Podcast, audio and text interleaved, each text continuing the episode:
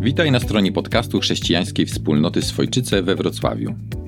Każde rozważanie, jakie tu zamieszczamy, jest zainspirowane Pismem Świętym, które, jak pisze apostoł Paweł, jest pożyteczne do nauki, do wykazywania błędu, do poprawy, do wychowywania w sprawiedliwości, aby człowiek Boży był w pełni gotowy, wyposażony do wszelkiego dobrego dzieła. Wierzymy, że rozważanie, które za chwilę usłyszysz, wniesie w Twoje życie trwałą, pozytywną zmianę. O co się modlimy? Zapraszamy.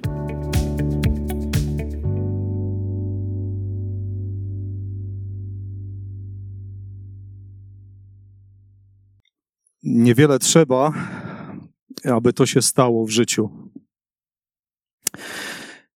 Można tak naprawdę przespać swoje życie, patrząc i nie widząc, słuchając i nie słysząc. Tego dnia przynajmniej jedna osoba patrzyła i nie widziała, słuchała, ale tak naprawdę nie słyszała. Ale kto wie, być może to nie była tylko jedyna osoba, być może tych ludzi tego dnia było więcej.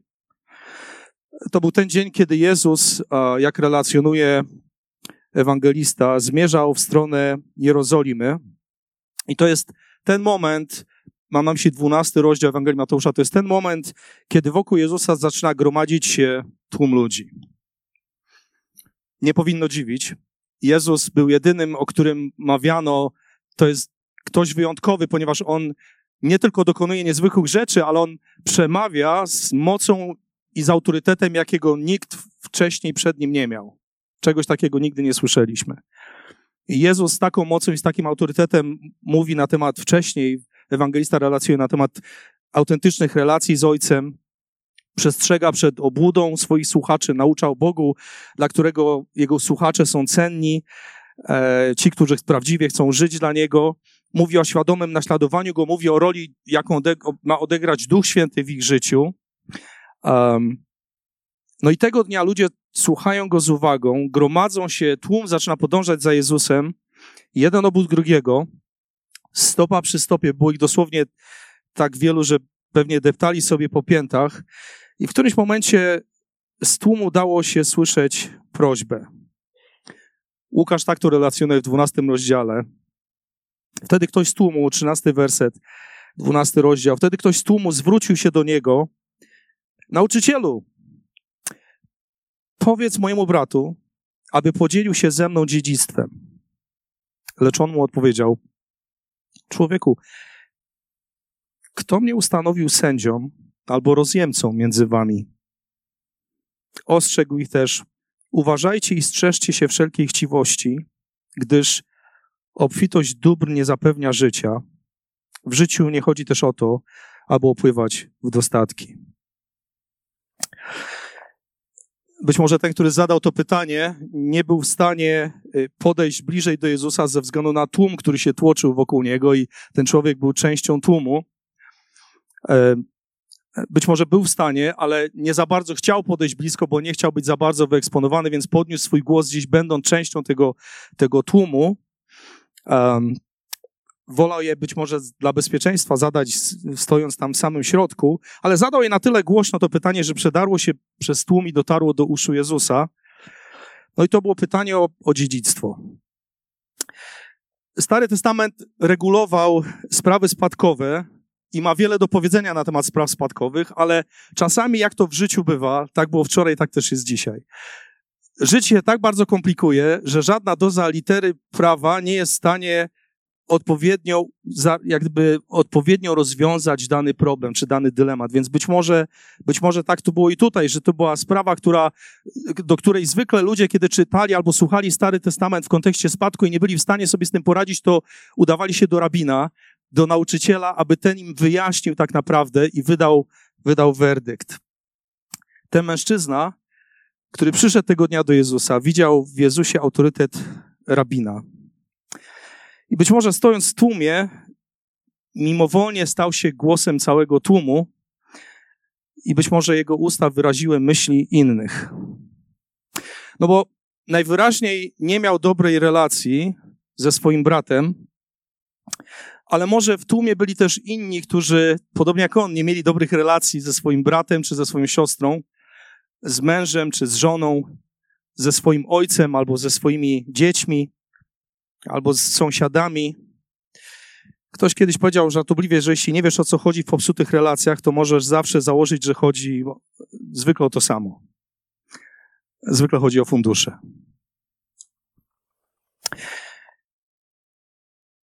Można przespać swoje życie, patrząc i nie widząc, słuchając i nie słysząc. No bo wydaje się, że bohater tej historii, chociaż jest częścią tłumu i idzie za Jezusem i przysłuchuje się, przypatruje się Jezusowi i przysłuchuje się temu wszystkiemu, o czym Jezus mówi z mocą i z autorytetem, jakiej nikt inny nie miał wcześniej, e, to tak naprawdę wydaje się, że nic nie usłyszał z tego, co było do tej pory powiedziane. Pomyśl przez chwilę. Mówimy o człowieku, który, e, który szedł we właściwym kierunku, bo to był kierunek, w którym zmierzał Jezus. To był człowiek, który szedł za właściwą osobą, razem z tłumem, za Jezusem, który był we właściwym miejscu, bo był tam, gdzie był Jezus w danej chwili i który zwrócił się do najbardziej właściwej osoby, do jakiej mógł się zwrócić, bo się zwrócił do samego Jezusa ze swoim problemem. Co więcej, traktuje Jezusa z szacunkiem, mówiąc nauczycielu. To znaczy, że ma do niego respekt. Powiedz mojemu bratu, aby podzielił się ze mną dziedzictwem. To pytanie, czy prośba tego, tego człowieka, to tak, jakbyś będąc na ważnym spotkaniu, na którym ważą się losy świata, ty pytasz o to, kto naprawi zniszczoną ławkę na twoim podwórku. Nie był to pierwszy raz, kiedy ktoś nie słucha Jezusa. I nie był to pierwszy raz, kiedy ktoś, kiedy rodzina się spiera, bo tak naprawdę rodzinne spory są znane od zarania ludzkości. Jednym ze sporów nader częstych jest spór odnośnie pozostawionego majątku i podziału tego majątku. Księga Przypowieści mówi o tym, że tam, gdzie jest testament, tam ludzie ze sobą walczą. Albo toczą zimne wojny, albo toczą gorące spory. To tak jak w książce Johna Grishama zatytułowanej Testament, gdzie główny bohater Troy Pelan jest przedstawiony jako ten, który miał wszystko, o czym człowiek może sobie tylko wymarzyć.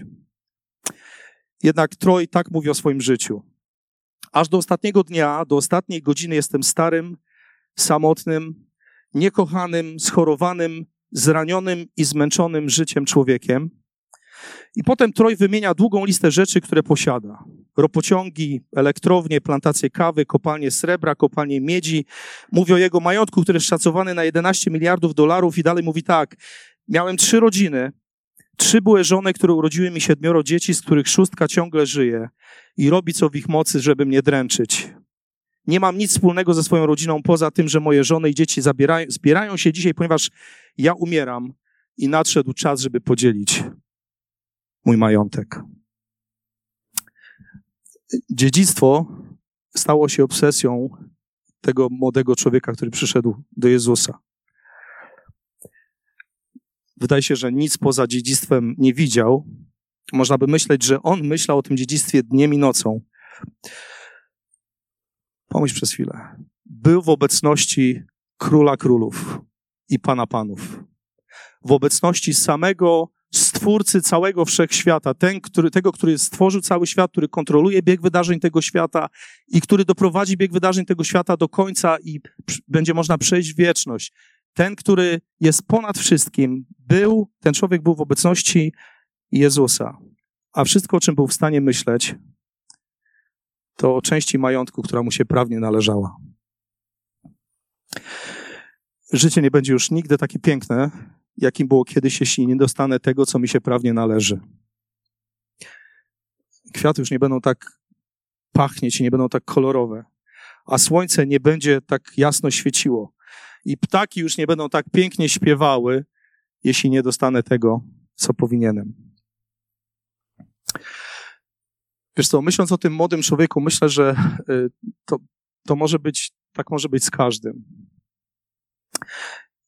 którzy podobnie jak ten młody człowiek patrzą się na Jezusa, a nie widzą. Albo wszystko, co widzą w Jezusie, to wspaniałego nauczyciela. No ale jeżeli tylko, jeżeli On jest tym wspaniałym nauczycielem, jeżeli tylko będziemy postępowali według Jego nauki, to będziemy w stanie rozstrzygnąć wszelkie możliwe spory w rodzinie, w sąsiedztwie, w pracy, nawet na szczeblu międzynarodowym. Problem polega na tym, że już przed Jezusem byli wspaniali nauczyciele. Nie był, Jezus nie był potrzebny. Gdyby tylko słuchać tych wszystkich nauczycieli wspaniałych, którzy byli przed Jezusem, to byśmy zrewolucjonizowali cały świat. Inni, myśląc o Jezusie, mówią, że Jezus jest tym, który daje nam wspaniały przykład. No ale jeżeli Jezus jest przykładem i tylko przykładem, to jego przykład mnie ośmiesza i każdego z nas. Bo, bo to jest trochę tak, jakby mówić o, o wspaniałej pianistce, która jest ponadprzeciętną, która jest, jest po prostu geniuszem instrumentu, geniuszem muzyki i my możemy mówić, patrzmy się na nią i róbmy tak jak ona. No, niemożliwe. Nie jesteśmy w stanie, nigdy nie będziemy w stanie grać tak jak ta pianistka, która jest geniuszem. Jeżeli Jezus jest tylko przykładem, to musimy zdać sobie sprawę z tego, że my nie jesteśmy w stanie sprostać wymogom tego przykładu. Nie mogę nie myśleć o, o tym, jak niesamowicie łaskawy jest Pan Jezus. Jak niesamowicie łaskawa jest Jego odpowiedź. Jezus mówi: Ty chcesz, abym został miejscowym sędzią, arbitrem w Twojej sprawie. Ale ja nie po to przyszedłem. To nie jest moja służba.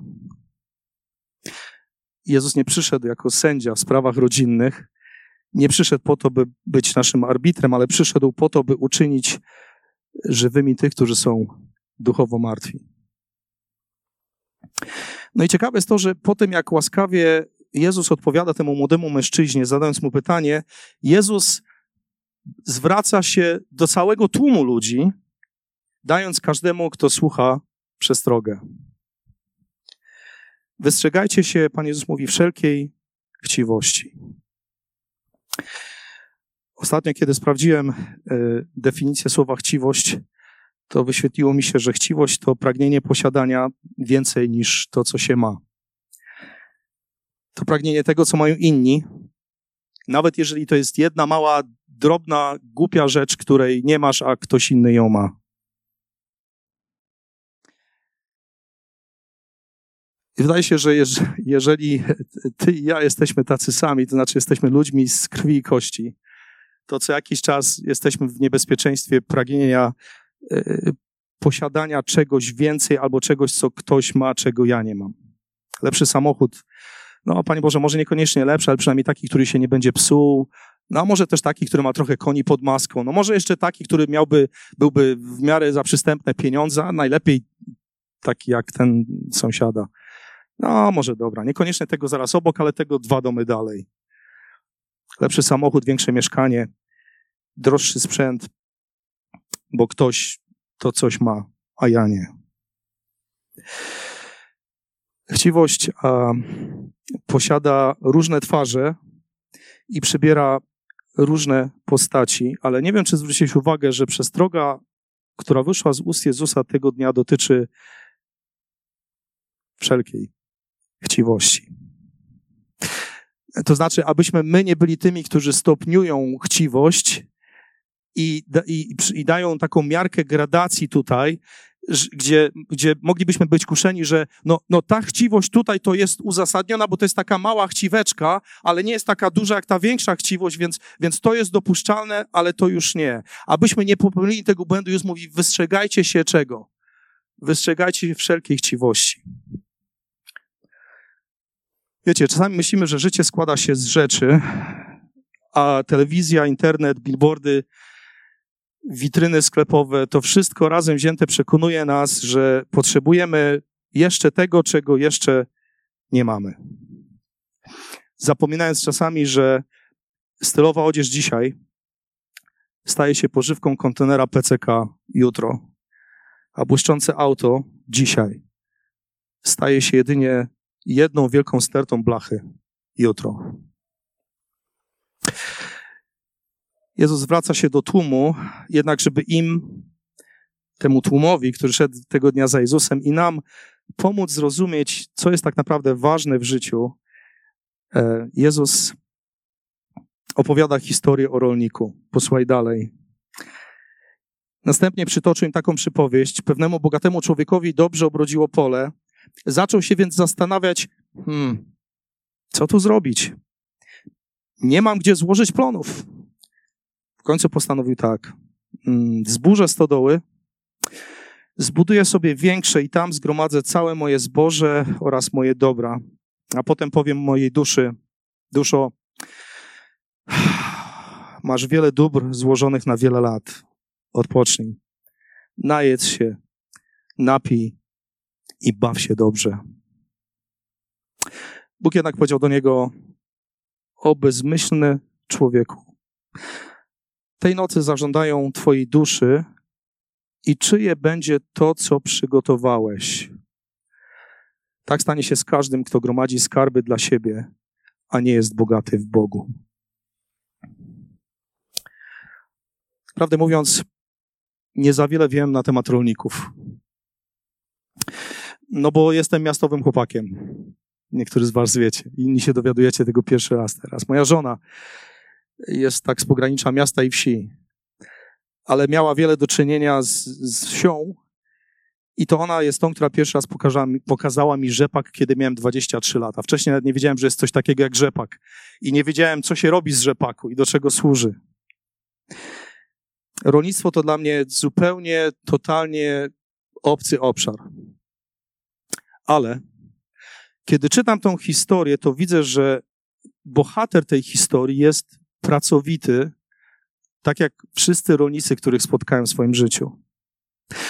Więcej, nasz rolnik tak naprawdę nie jest złym człowiekiem, bo Pan Jezus nie przedstawia go w złych kolorach, czarnych kolorach, nie potępia go dlatego, że jest bogaty. Wielu bogatych ludzi funkcjonowało w czasach biblijnych. Abraham, Hiob, Dawid, Salomon. Gdyby nie Józef z Armatei, bogaty człowiek, to Jezusa nie złożono by w grobie, nie byłoby odpowiedniego grobu dla niego, więc nie jest źle być bogatym. To pragnienie bogacenia się może być niebezpieczne i bardzo szybko może się przerodzić w grzeszną porządliwość. Ten rolnik ciężko pracuje. I tak naprawdę nic w tekście nie wskazuje na to, że on się dorobił nieuczciwie tego, co się dorobił.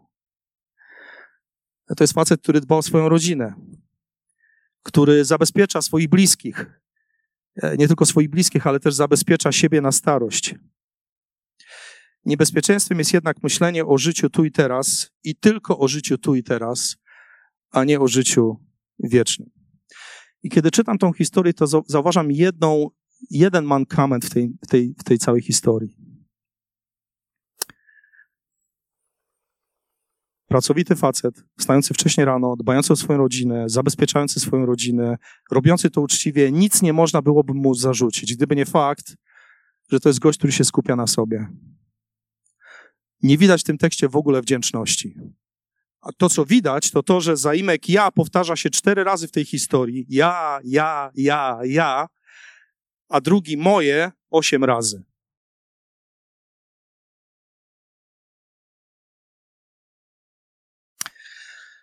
Ewidentnie Pan Bóg mu błogosławił, jednak on odbierał Boże błogosławieństwo jako efekt swojej ciężkiej pracy. Pewnie była ciężka. Natomiast gdyby nie, było Bożego, gdyby nie było Bożego błogosławieństwa, to na niewiele zdałaby się ta ciężka praca. E, jestem człowiekiem, który lubi puszczać wodze fantazji, więc wyobrażam sobie ostatni dzień z życia tego człowieka. Pole wydało mu ofity plon. Jeżeli są w życiu problemy, to nie jedna osoba chciałaby mieć taki właśnie problem, jak miał ten człowiek. Co zrobić z tym, co mam? Nie mam miejsca na plony. Być może tego dnia spotkał się z architektem, aby odebrać projekt nowej stodoły. Wieczorem po kolejnym dniu pracy mógł się wreszcie nad nim pochylić, trzymając kubek kawy w ręku, wpatrywał się w szkic nowej stodoły. Żona być może przyszła do niego, powiedziała, kochanie, jest późno, chodź spać, a on być może odpowiedział, no jeszcze tylko rzucę okiem i zaraz do ciebie przyjdę. No i tego wieczora, późnego wieczora, ktoś zapukał do drzwi domu. To było dość zaskakujące, ponieważ było bardzo późno, nikomu nie wypadałoby przyjść o tak późnej porze. Jest jednak ktoś, kto nie trzyma się naszych konwenansów i tym kimś jest. No właśnie, jest śmierć. No ale, ale jak to tak? Nie, nie uprzedziłaś mnie. Ależ, ależ uprzedziłam cię. Pamiętasz pogrzeb kolegi, w którym brałeś udział całkiem niedawno? To był ten moment, kiedy tak naprawdę zwiesiłeś się na chwilę, przystanąłeś na moment i zacząłeś zastanawiać się nad przemijalnością życia, ale ta chwila trwała jedynie chwilę, a później wróciłeś z powrotem do rytmu, starego rytmu życia. A pamiętasz rozmowę z kuzynem też całkiem niedawno, kolegą po fachu? On też ciężko pracuje. E, to był ten dzień, kiedy on zwrócił Twoją uwagę, zadał Ci pytanie, po co my się tak wypruwamy? Czy to w ogóle jest warte zachodu? Mówiłam Ci, ale Ty nie chciałeś słuchać. I znowu moja wyobraźnia mi mówi, że ten rolnik mógł powiedzieć, no, no, no dobrze, weź wszystko, ja odbuduję to wszystko, ale daj mi przynajmniej widzieć, jak dorosną moje dzieci, bo to dla nich tak ciężko pracuję, to dla nich się tak wypruwam.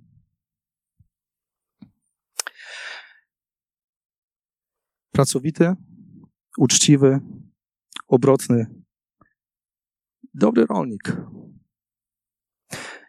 Jego problem polegał na tym, że przygotowywał się za życia na życie, ale nie był przygotowany na śmierć. I tego dnia, jednego dnia, wszystko zostało zabrane. To, na co całe życie ciężko pracował, zostało zabrane w jednej chwili. Mówi się, że pogrzeby to okazja, kiedy wypowiada się najwięcej kłamstw odnośnie osoby, która odeszła.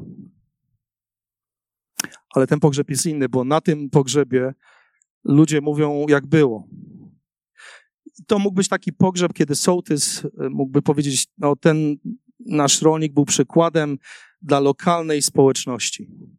Ciężko pracował, inwestował w rozwój infrastruktury. Młodzi ludzie powinni się od niego uczyć, bo był wzorem godnym naśladowania. Być może to była okazja, czy byłaby okazja, kiedy inny rolnik powiedziałby, no rywalizowaliśmy, ale on nas pobił wszystkich, wstawał wcześniej, kładł się spać później, a w ogóle był geniuszem rolnictwa, zawstydzał nas wszystkich. Architekt mógłby powiedzieć, no takiego wyzwania to wcześniej nie miałem. Nikt do tej pory nie budował tak wielkich spichlerzy jak on. Musiałem się nieźle natrudzić, żeby stworzyć cały ten projekt.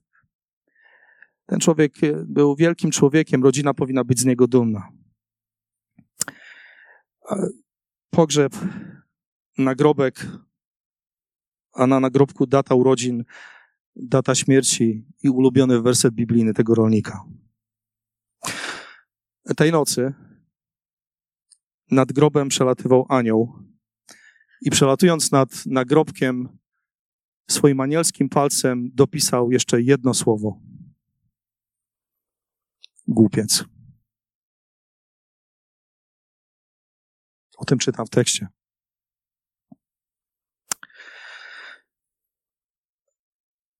Wiecie, co mnie fascynuje i zachęca w tej historii? Że ta historia, podobnie jak inne powiedziane przez Jezusa, ma otwarte zakończenie. trochę tak jak w innych historiach Jezusa. Na przykład historia o tych dwóch synach, tym, tym, tym rzekomo dobrym i tym, który, który odszedł na manowce i który się później upamiętał i wrócił. Tak naprawdę pytanie, czy to jest historia o miłościwym ojcu, czy o synu marnotrawnym, czy o starszym synu, który też tak naprawdę nie znał ojca i nie rozumiał ojca. I rodzi się pytanie, czy ten starszy w końcu zauważył w ojcu tego, kogo powinien widzieć, czy też nie. Nie wiemy, bo historia nam o tym nie mówi. Ona ma otwarte zakończenie czy pracownicy winnicy, ci, którzy, którzy przyszli z samego rana i myśleli, że to jest niesprawiedliwy werdykt, który, który szef winnicy wydaje, czy oni w końcu zobaczyli Bożą łaskę? Historia nie odpowiada na to pytanie. Czy pobity pod Jerychem człowiek, kiedy doszedł do siebie, zrozumiał, czym jest łaska i był za nią wdzięczny i okazywał ją innym? No i wreszcie ta nasza historia, czy ten mężczyzna, który tego dnia zadaje pytanie, jak on, jak on dalej się zachowuje, kiedy to słyszy. Nie wiemy. Ta historia ma otwarte zakończenie. Ale też tak naprawdę ta historia nie odpowiada do końca, co to znaczy być bogatym w Bogu. Być może dlatego, że Bóg nie jest Bogiem regułek i list. I Bóg, Bogu nie zależy na tym, żeby dać nam listę. To jest to, co znaczy być bogatym w Bogu. Punkt pierwszy, trzy podpunkty, punkt drugi i tak dalej. Tak naprawdę to każdy z nas, ty i ja, musimy sobie odpowiedzieć na pytanie, mając Bożego Ducha Świętego, co to znaczy? Co to znaczy być bogatym w Bogu? Prawda jest taka, że jedynie tacy są akceptowani przez Boga, jedynie tacy, o takich jest mowa, że są naprawdę mądrymi. Posłuchaj, Bóg patrzy na Twoje życie i moje z innej perspektywy. Jeśli wierzysz, że Bóg istnieje, a z różnych praktycznych względów żyjesz tak, jakby go nie było, to ty i ja jesteśmy głupcami. Cała historia zaczyna się od młodzieńca, który domaga się sprawiedliwości. Jezus ostrzega przed chciwością, opowiada swoim uczniom historię tego bogatego farmera. Szczęśliwi ci, którzy nie tylko słuchają, ale też słyszą. Być może dzisiaj Bóg przemawia do nas przez swojego Syna, abyś, abym ja, abyś Ty, aby każdy z nas uczynił wartości Bożego Królestwa centralnymi wartościami naszego życia. Bo Jezus nie przyszedł po to, żeby być mediatorem w naszych rodzinnych sprawach. On przyszedł po to, żeby uczynić żywymi tych, którzy są duchowo martwi, a ci, których ożywił, żeby mieli możliwość żywej relacji, niekończącej się trwałej, żywej relacji z żywym, prawdziwym Bogiem. Zatem o co wchodzi w tej całej historii? W życiu chodzi o to, żebyś był bogaty w Bogu, a jesteś kiedy żyjąc tutaj, podejmujesz decyzje nie tylko na tutaj, ale też na wieczność. I Panie, pomóż nam z tym. To nie jest łatwe. Jesteśmy świadomi wyzwań, presji, rodziny, otoczenia, miejsca pracy, naszych bliskich. Jesteśmy świadomi naszej grzesznej natury, która nas ogranicza, która się czasami od, od dominuje, chce dominować, która się odzywa. Co tu dużo mówić, Panie? Podoba nam się często bycie tutaj i gromadzenie rzeczy. Panie Boże, proszę Cię, żebyś czynił nasze chrześcijaństwo autent, prawdziwie autentycznym i żebyś pomagał nam inwestować nie tylko w to, co tutaj, teraz, ale w to, co ma wymiar wieczny. Amen. Gdy w Twoich uszach brzmią jeszcze słowa rozważania, zachęcamy Cię, żebyś w krótkiej modlitwie zwrócił się do Boga, aby utrwalał swoje słowo w Twoim codziennym życiu. A jeśli jesteś zachęcony, aby nawiązać głębszą relację ze Stwórcą, zwróć się do Niego w prostych słowach, zapraszając, aby stał się Twoim Panem i przejął stery Twojego życia. Zapraszamy Cię, abyś nas odwiedził na niedzielnym nabożeństwie, jeśli jesteś z Wrocławia lub okolic. Nasz adres znajdziesz na stronie internetowej www.wroclaw.kwch.org.